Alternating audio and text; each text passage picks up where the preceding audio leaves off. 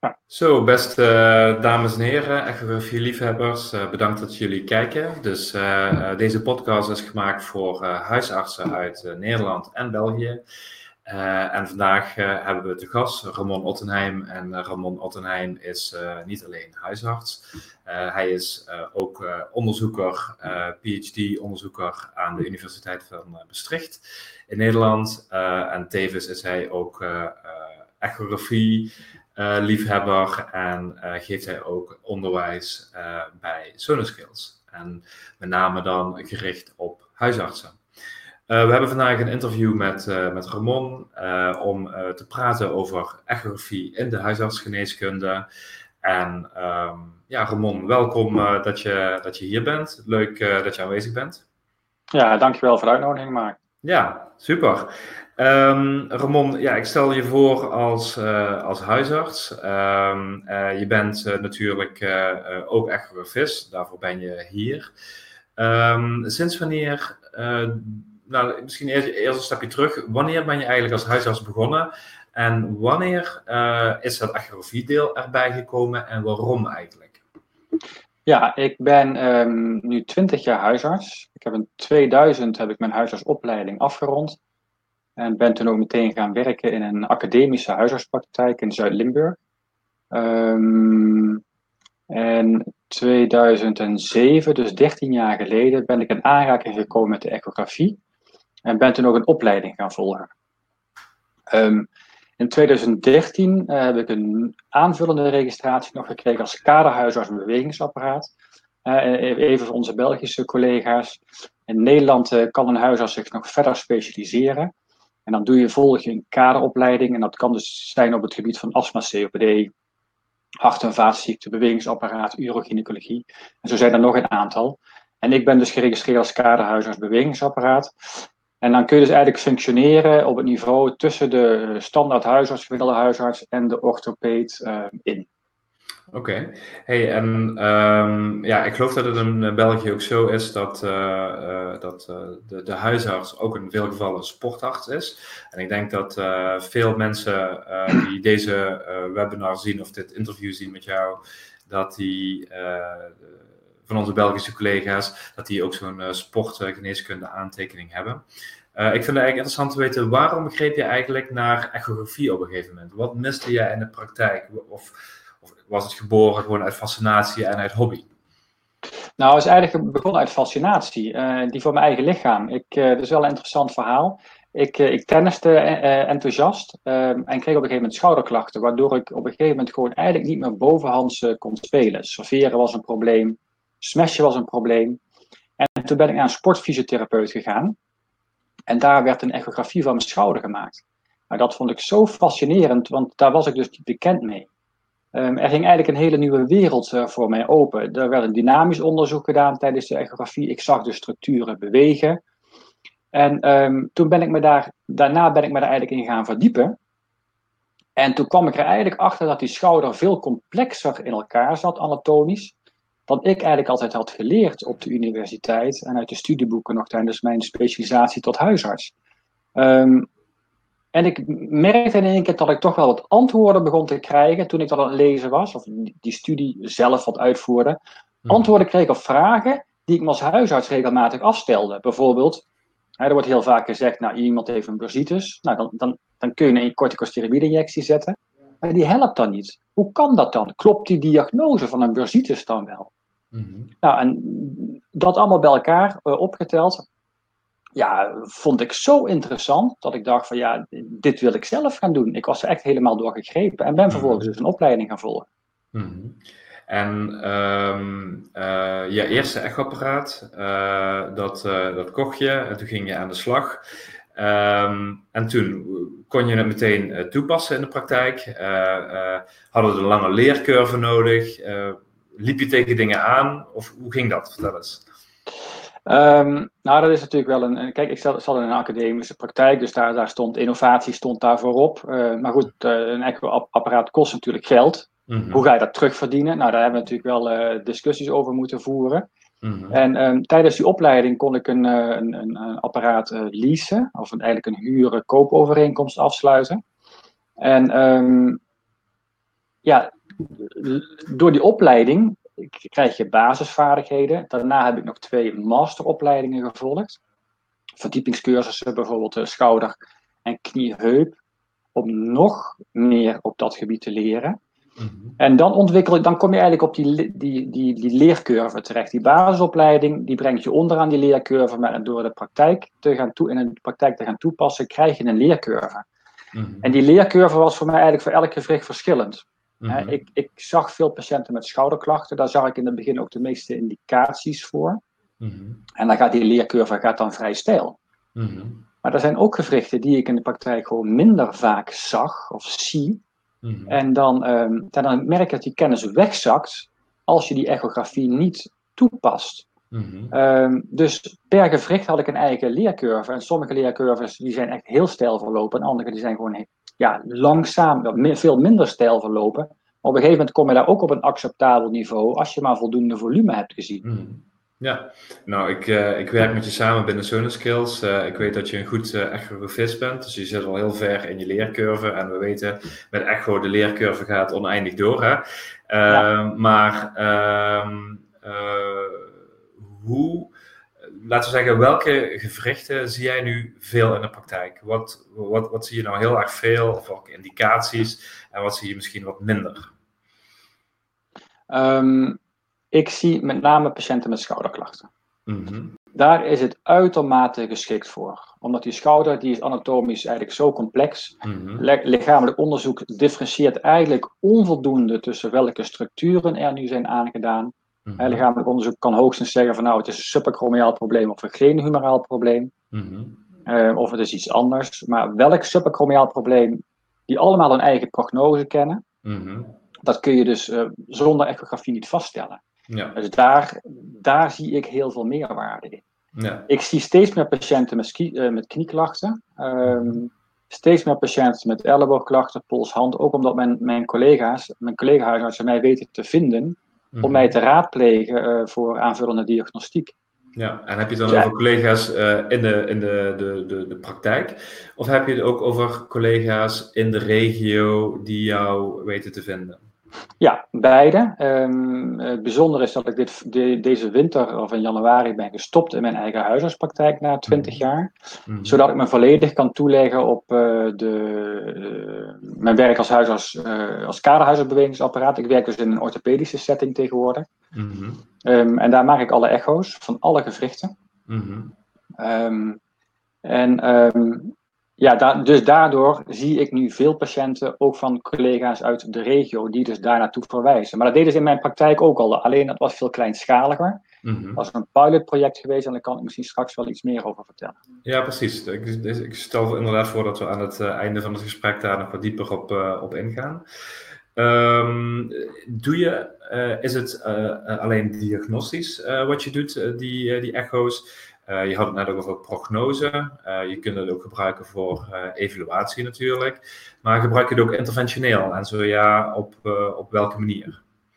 Ja, allereerst gebruik ik natuurlijk om, een, om te kijken of ik een specifiekere diagnose kan stellen dan ik doe op basis van het lichamelijk onderzoek en de anamnese. Mm Als er dan een indicatie is voor een, voor een corticosteroïde-injectie, dan zet ik die op dit moment eigenlijk altijd echo geleid. Mm toen ik in mijn huisartspraktijk werkte, deed ik dat niet altijd echo-geleid. En er waren een aantal redenen voor. Maar ik gebruik het dus eigenlijk ook om echo-geleid te prikken. Welke redenen uh, had je om uh, blind te prikken, zeg maar, om niet echo-geleid te prikken? Ja, um, nou, ik wilde mijn patiënten niet afhankelijk maken van het echosysteem. Mm Ik heb natuurlijk meerdere collega's in mijn praktijk uh, die ook injecteerden.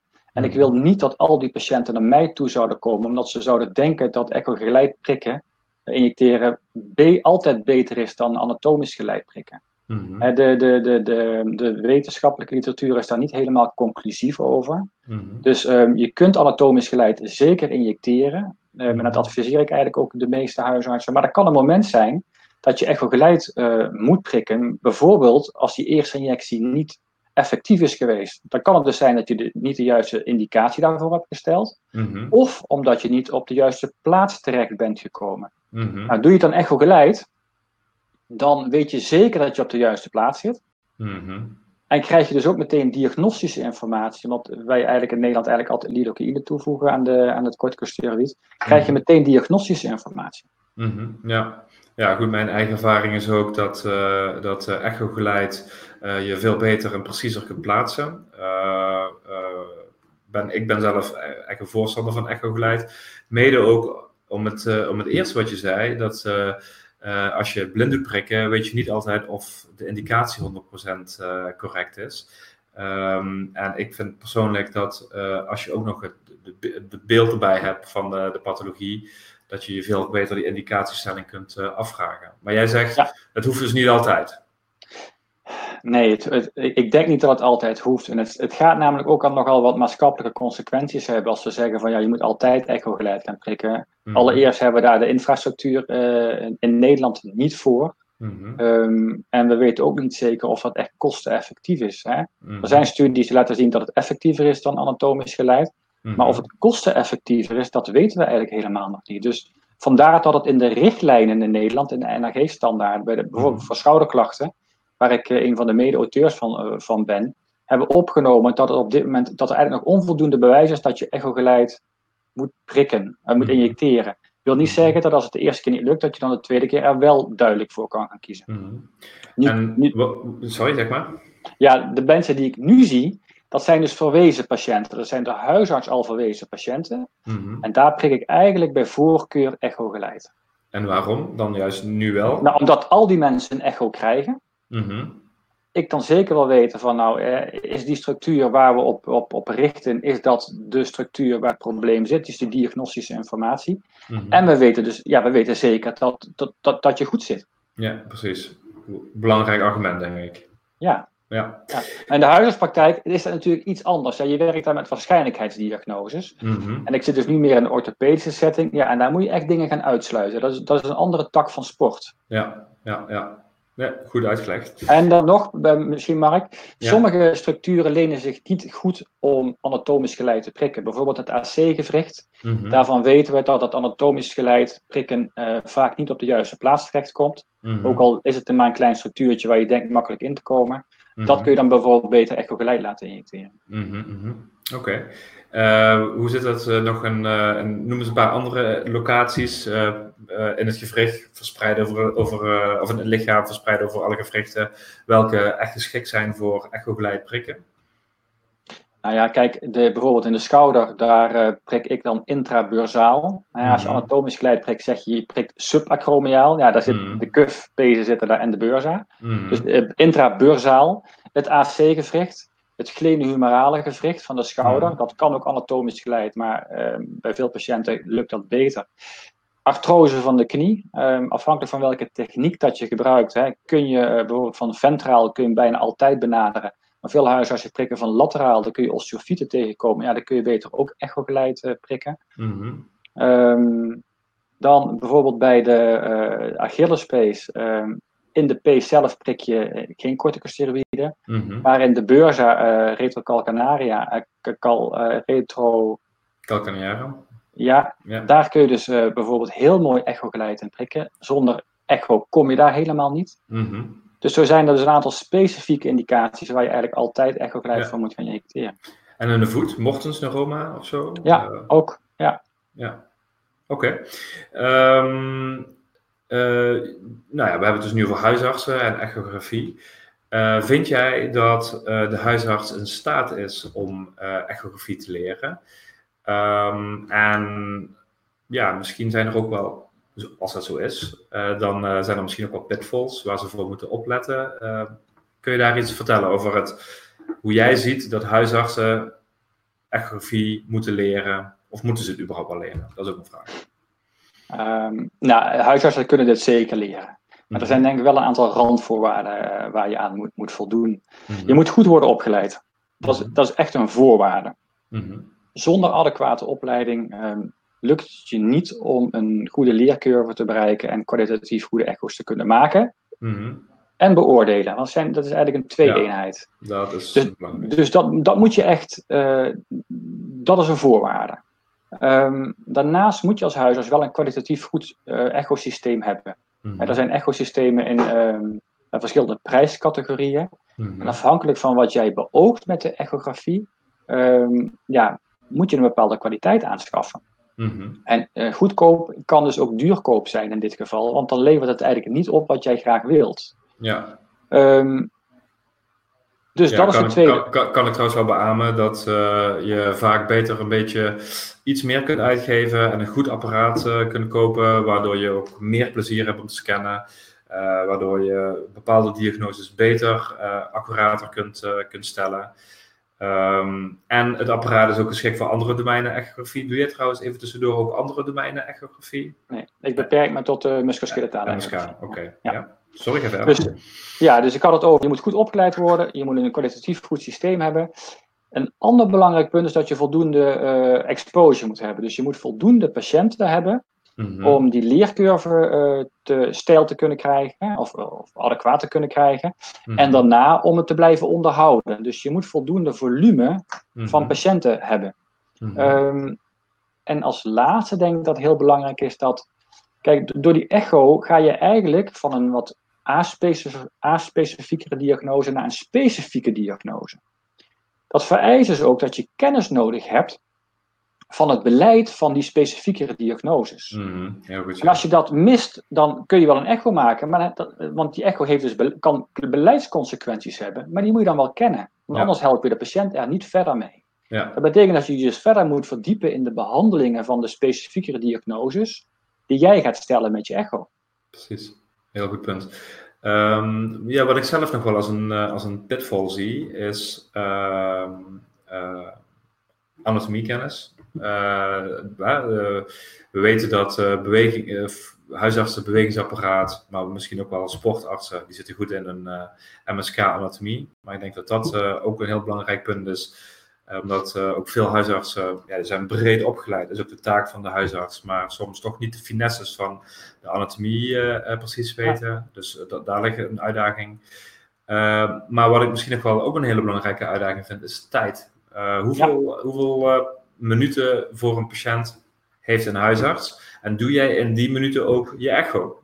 Ja, dat is natuurlijk een spanningsveld. Hè. In Nederland hebben we 10 minuten per consult. Dat is eigenlijk een standaard consult. Mhm. Eh, we hebben in Nederland ook de mogelijkheid om dubbele consult uh, af te spreken. Dus twee keer 10 minuten. Mhm. En dat zijn tijdseenheden op basis waarvan je betaald wordt. Een tijdseenheid langer dan 20 minuten, die bestaat niet. Mhm. Ehm, dus de patiënt die wordt ingeboekt normaal gesproken voor 10 minuten. Ja, daar lukt het je niet in om nog een nog een echo te gaan doen. Daar moet je dus iemand terug gaan laten komen. Ja.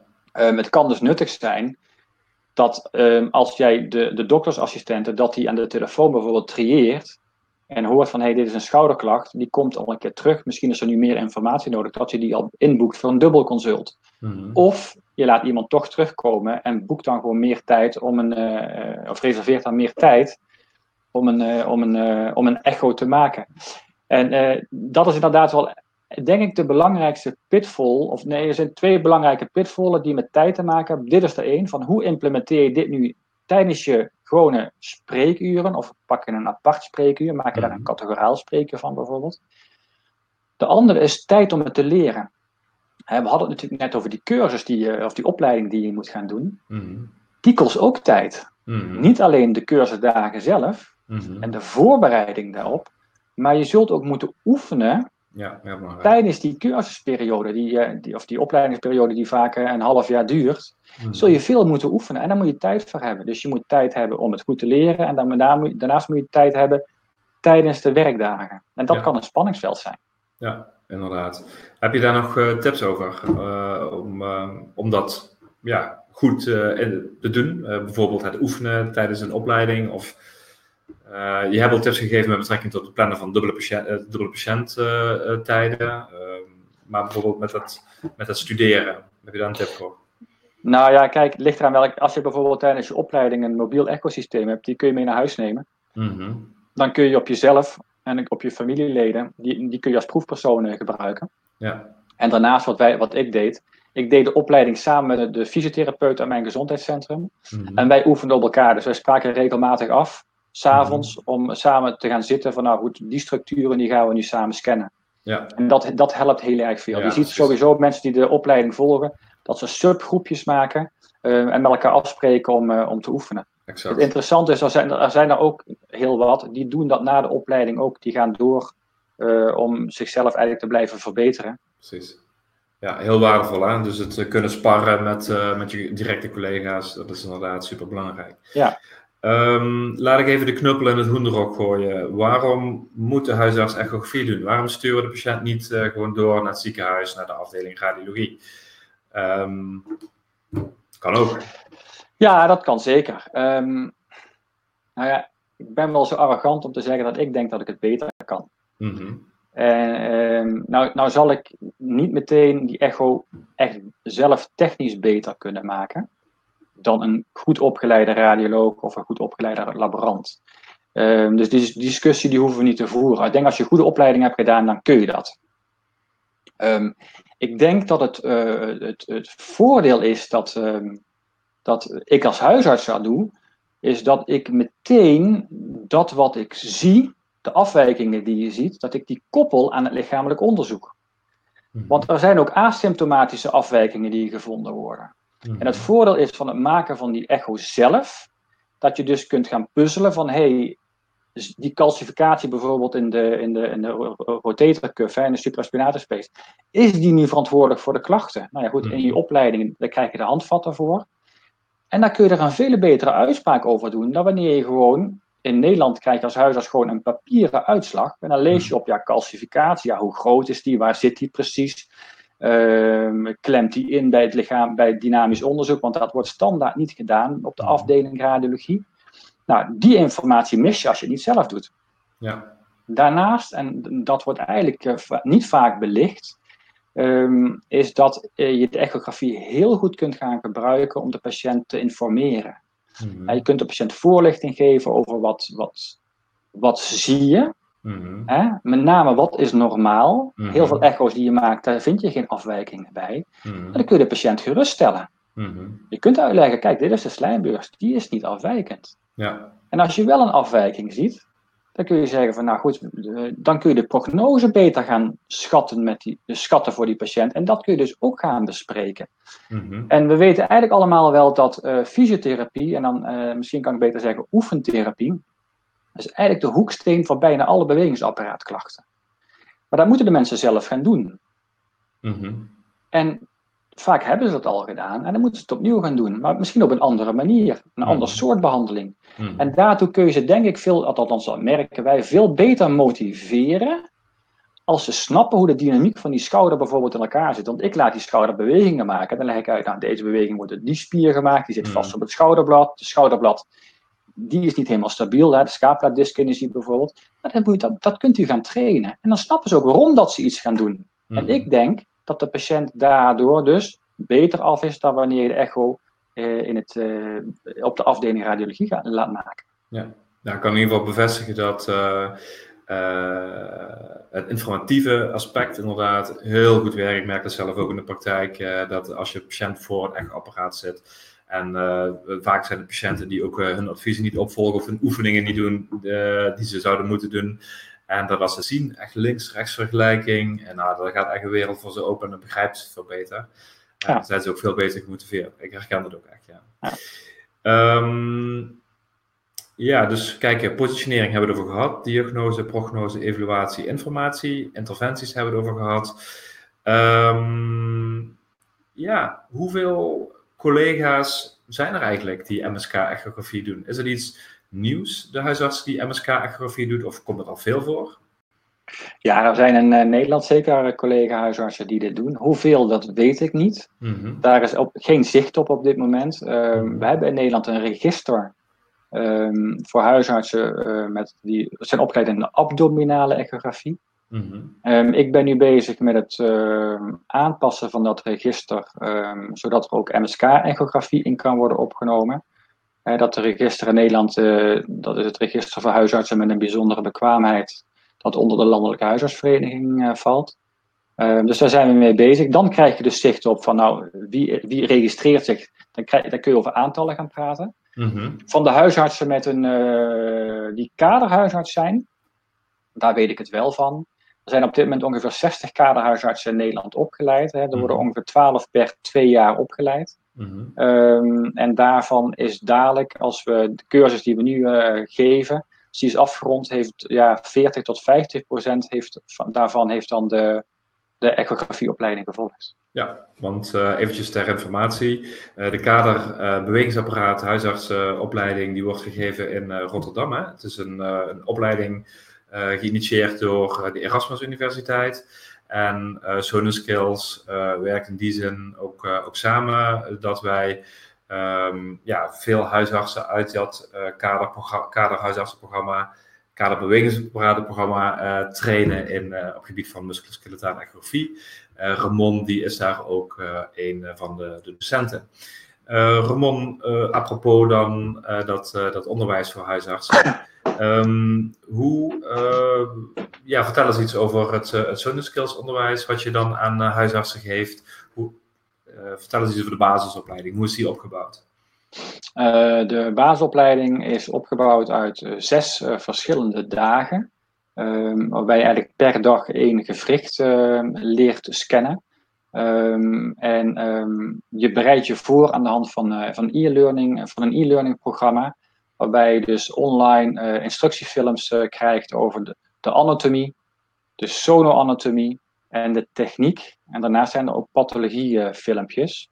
En dat hele pakket samen met de, uh, de hands-on training, die dus ongeveer gemiddeld één keer per maand hebt, gedurende zes maanden dan. Uh, ja, die zorgt ervoor dat je uh, een, een, adequate en goede opleiding eh, kunt volgen. Ja, en uh, eventjes voor de Belgische collega's. Uh, in Nederland hebben we dus het 6 keer 1 principe en in België hebben we het 3 keer 2 principe. Dus in België uh, kom je twee dagen, twee dagen en dan nog eens twee dagen. En ja, als je die drie modules hebt afgerond, heb je ook de basisopleiding afgerond. Um, ja, dat klopt. Um, Ramon, uh, we hadden het ook eventjes over uh, het apparaat kopen. Je hebt het gehad over een register. Uh, dan kom je ook een beetje op zakelijke vragen als tariefvorming.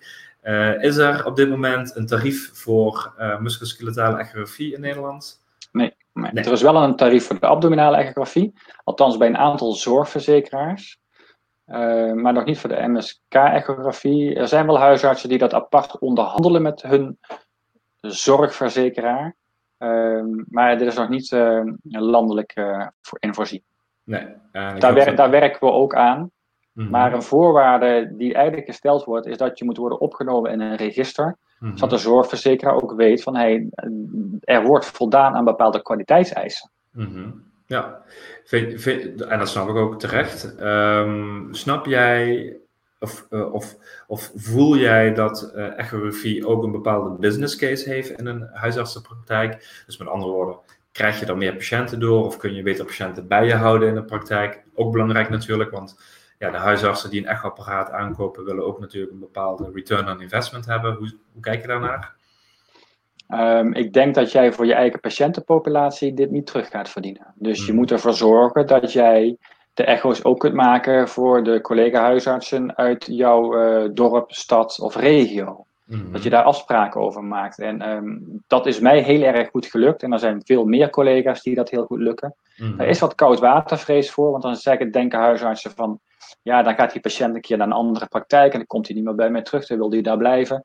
In Nederland kunnen patiënten overstappen van, van, van praktijk naar praktijk.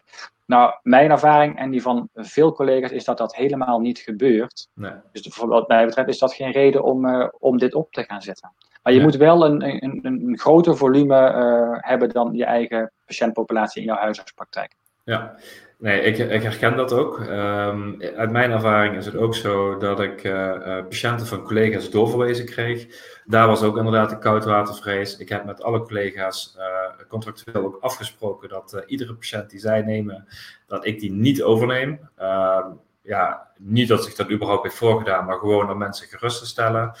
Um, want ja, er moet dan wel een hele duidelijke samenwerking zijn. De patiënt komt voor één echo en gaat weer terug met de, het, uh, het echo-rapport uh, naar de praktijk waar die van afkomstig is. Ja. En dat werkt op termijn inderdaad. Je ziet dan inderdaad een groeiende lijn van, van patiëntenaanbod. Dat klopt. Um, Ja, Ramon, voordat we het over een specifiek Nederlandse situatie gaan hebben, jouw anderhalf lijns project, hè? Um, uh, eerst eventjes nog over onderzoek. Je werkt aan de Universiteit Maastricht. daar um, werk je bij de vakgroep huisartsgeneeskunde. Klopt, hè? Ja, klopt. Ja, je doet ook onderzoek. wat zijn zo de, de topics waar je onderzoek naar doet op het gebied van echografie? Ja, dat, eh, dat zijn er een aantal. Ehm, het onderzoek richt zich onder andere op de diagnostische waarde van echografie. Waarbij je dus eigenlijk de sensitiviteit en specificiteit uh, van echografie bepaalt. En dat vergelijkt met de gouden standaard. We hebben dat vorig jaar bijvoorbeeld hebben een publicatie, of hebben een onderzoek gepubliceerd over echografie bij de, van de voorste kruisband. Waarbij eigenlijk MRI als gouden standaard wordt gezien. Mhm. maar het blijkt dat je dat met echografie ook heel goed kunt. Mm natuurlijk, mits je daar goed voor bent opgeleid. Mhm. Ehm, dan zijn we, hebben we net een artikel ingediend dat zich richt op um, welke pathologieën zien we nu bij, uh, bij de schouder bijvoorbeeld. en vaak blijkt dat patiënten meerdere afwijkingen hebben op die echo. Mhm. De vraag is dan ook van welk, welk van die aandoeningen die je ziet, van die afwijkingen, is nu verantwoordelijk voor de klachten? Of zijn ze misschien samen verantwoordelijk voor de klacht of is het een het gevolg van het, van het ander?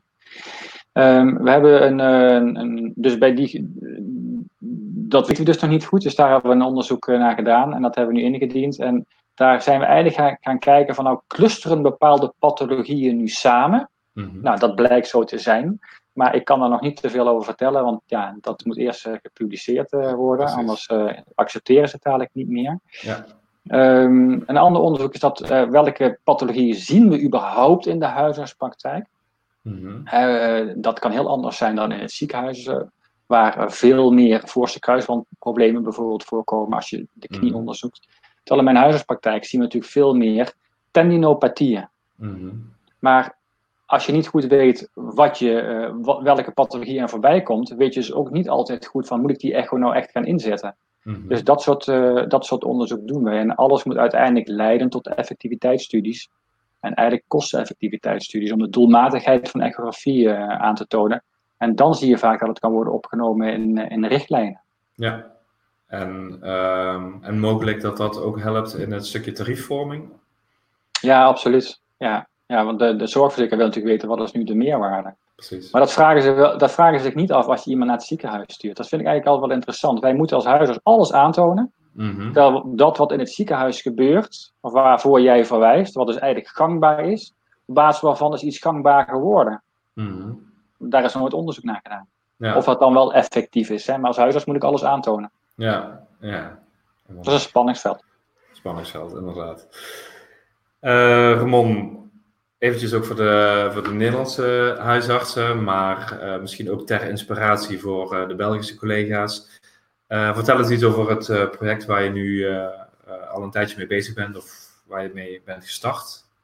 Ja, um, ik, ja, ik ben dus sinds 2007 bezig met MSK-ecografie, mijn praktijk. Daar was geen tarief voor. Dat was dus eigenlijk allemaal ehm, gratis wat je voor de patiënten deed. Ik deed dat met heel veel liefde voor ze. Maar dat volume werd steeds groter en dat was op een gegeven moment gewoon ja, niet meer te doen. Um, en toen ben ik een project gestart samen met mijn regionale huisartsenorganisatie, uh, Medisch Coördinatiecentrum Omnes en zorgverzekeraar CZ. Om te kijken of um, het, uh, het inzet van die echo in handen van, van, mijn handen als kaderhuisarts niet leidt tot substitutie van zorg. Dat betekent dus dat patiënten die naar mij zijn verwezen door mijn collega-huisartsen, eh, normaal worden die naar het ziekenhuis verwezen. Hoeveel van die patiënten hoeven nu niet naar het ziekenhuis als ze bij mij zijn geweest? Nou, daar een project uh, voor geschreven van, met een loop van drie jaar. Looptijd van drie jaar. Nou, en dat bleek enorm succesvol. Uh, het was geloof ik dat ja, 95% van de patiënten hoefden direct na mijn consult niet naar het ziekenhuis. We hebben die patiënten wel een half jaar opgevolgd, want het kan ook een uitsteleffect uh, hebben. Mhm. En um, ja, uiteindelijk bleek 85% na een half jaar niet naar het ziekenhuis te hoeven, dus naar de orthopeed in dit geval. Mhm. Nou, dat zorgt voor een enorme kostenreductie. Mhm. Dat zorgde ook, want dat hebben we dus ook onderzocht, voor een hele hoge patiënttevredenheid. En we hebben ook gekeken van nou herstellen die patiënten nu ook wel. Want ja, ik kan wel dingen doen, maar als het geen effect heeft, dan heeft de patiënt er nog niks aan. Mhm. Nou ja, en, en dat noemen we dus eigenlijk de, de, de triple aim, dus drie doelen. Nou, die werden behaald. Mhm. Nou, dat resulteerde erin dat die zorgverzekeraar zei van nou, eh dokter Ottenheim, eh, u doet dit nu voor eh, een groep van tien huisartsen. Wij willen dat eigenlijk regionaal gaan opschalen. Ehm, en dat betekende eigenlijk dat ik die zorg niet meer in mijn praktijk kon gaan aanbieden, maar buiten mijn praktijk moest gaan aanbieden. Mhm. Ehm, en dan krijg je vele grotere volumes. En toen zijn we gaan kijken van, nou goed, hoe kunnen we dat dan dusdanig gaan aanbieden? Want ik was de enige kaderhuisarts eh, in, het, in Zuid-Limburg. Hoe kunnen we dat nu zo gaan aanbieden dat we meer patiënten kunnen zien? Nou, en toen is er eh, afgesproken dat er een fysiotherapeut betrokken zou worden, de orthopeed uit het ziekenhuis. Mhm. En zo hebben we eigenlijk het, het, het consult dat ik eerst zelf deed, opgeknipt in drie delen. Anamnese, anamnese lichamelijk onderzoek, echografie en eh, informatieverstrekking met het bepalen van het beleid voor de patiënt. En dat, eh, dat, doet, dat doen we dus nu met drie man, de fysiotherapeut, dat doe ik eh, een deel van, en de, en de orthopeed. Mhm. En dat is eh, eh, heel succesvol. Dat hebben we ook gepubliceerd in, in Medisch Contact. Landelijk heeft dat veel interesse. Er komen veel mensen meekijken en die, ja, die nemen dan de aspecten daarvan over. Ehm, of ze, ze, ze modelleren het eigenlijk naar ja, wat in hun regio mogelijk Mhm. is met het regionale ziekenhuis bijvoorbeeld. Ja. Dus ja, dat soort projecten die zie je steeds meer in Nederland ontstaan. Ik ben niet de enige hoor die dat doet. Er zijn wel meer, eh meer, meer kaderhuisartsen die soortgelijke projecten doen. En ook Mhm. dat hebben we beschreven eh, in een artikel voor huisarts en wetenschap. Ja, hey, en eh, zelfs eh, de combinatie van een fysiotherapeut, huisarts en een orthopeed, dat is nog altijd goedkoper dan wanneer patiënten eh, het traject via het ziekenhuis eh, hadden, ge- Ja. hadden gedaan. Ja. Dat, is Ja. dat, is, dat is indrukwekkend. Ja, de, de kosten die een patiënt in het ziekenhuis maakt, ehm, zijn voor een heel groot gedeelte zijn het overheadkosten. Ehm, dus als je honorarium technisch kijkt, dan is dat vaak maar een, een, een klein percentage daarvan. Ja, inderdaad. Dus door de zorg anders te organiseren op dit gebied, Ja. kan, het, eh, kan het doelmatiger verlopen met een hele hoge patiënttevredenheid. Ja, ja, goed. En dat is natuurlijk eh, fantastisch, hè? dat we de kosten voor de maatschappij kunnen reduceren. Dat de patiënten een soort van one-stop-shop clinic eh, kunnen hebben, waardoor ze ook wel minder eh, wachttijden hebben en minder ongemakken moeten voorzien en weer in een andere omgeving moeten komen. Dus Ja. het, mes, het mes snijdt aan heel veel kanten. Dus dat is inderdaad een super project. En ik hoop dat het andere huisartsen ook zal inspireren. Ehm, God, eh, misschien nog één kleine vraag aan het einde van dit eh, gesprek. Hoe kijk je eigenlijk naar fysiotherapeuten die ook eh, echografie doen? Vind je dat kunnen? Of ben je van mening dat echografie meer een domein is wat binnen de artsenwereld moet blijven? Nee, de fysiotherapeuten kunnen zeker ook echografie leren, MSK-echografie. Mhm. Ehm, dus dat vind ik een hele goede ontwikkeling dat dat, eh, dat, dat gebeurt. Het gebeurt op een veel grotere schaal overigens dan, eh, dan eh, in de huisartsenwereld op dit moment. Mhm. Ehm, dus dat kan zeker. Er is denk ik wel een beperking. ehm, en het is denk ik heel belangrijk dat als je als huisarts met een fysiotherapeut gaat samenwerken die MSK-echografie doet, is dat hij het goed kan Mhm. en diagnoses durft te stellen. Ja. Ik, wat ik vaak meemaak is dat een fysiotherapeut zich uiteindelijk gaat beperken tot van ja, ik zie iets afwijkends, Mhm. maar ik weet niet zeker wat, of ik zie wat vocht, maar ik weet niet precies waar het vandaan komt. Mhm. Ja, dat niveau, dat moet je niet willen. Nee. Want dat zorgt voor ongerustheid bij de patiënt. Dan moet er vaak in het ziekenhuis een echografie gemaakt gaan worden, want dan is de ongerustheid gecreëerd. Precies. Dus dat, dat zorgt voor extra kosten.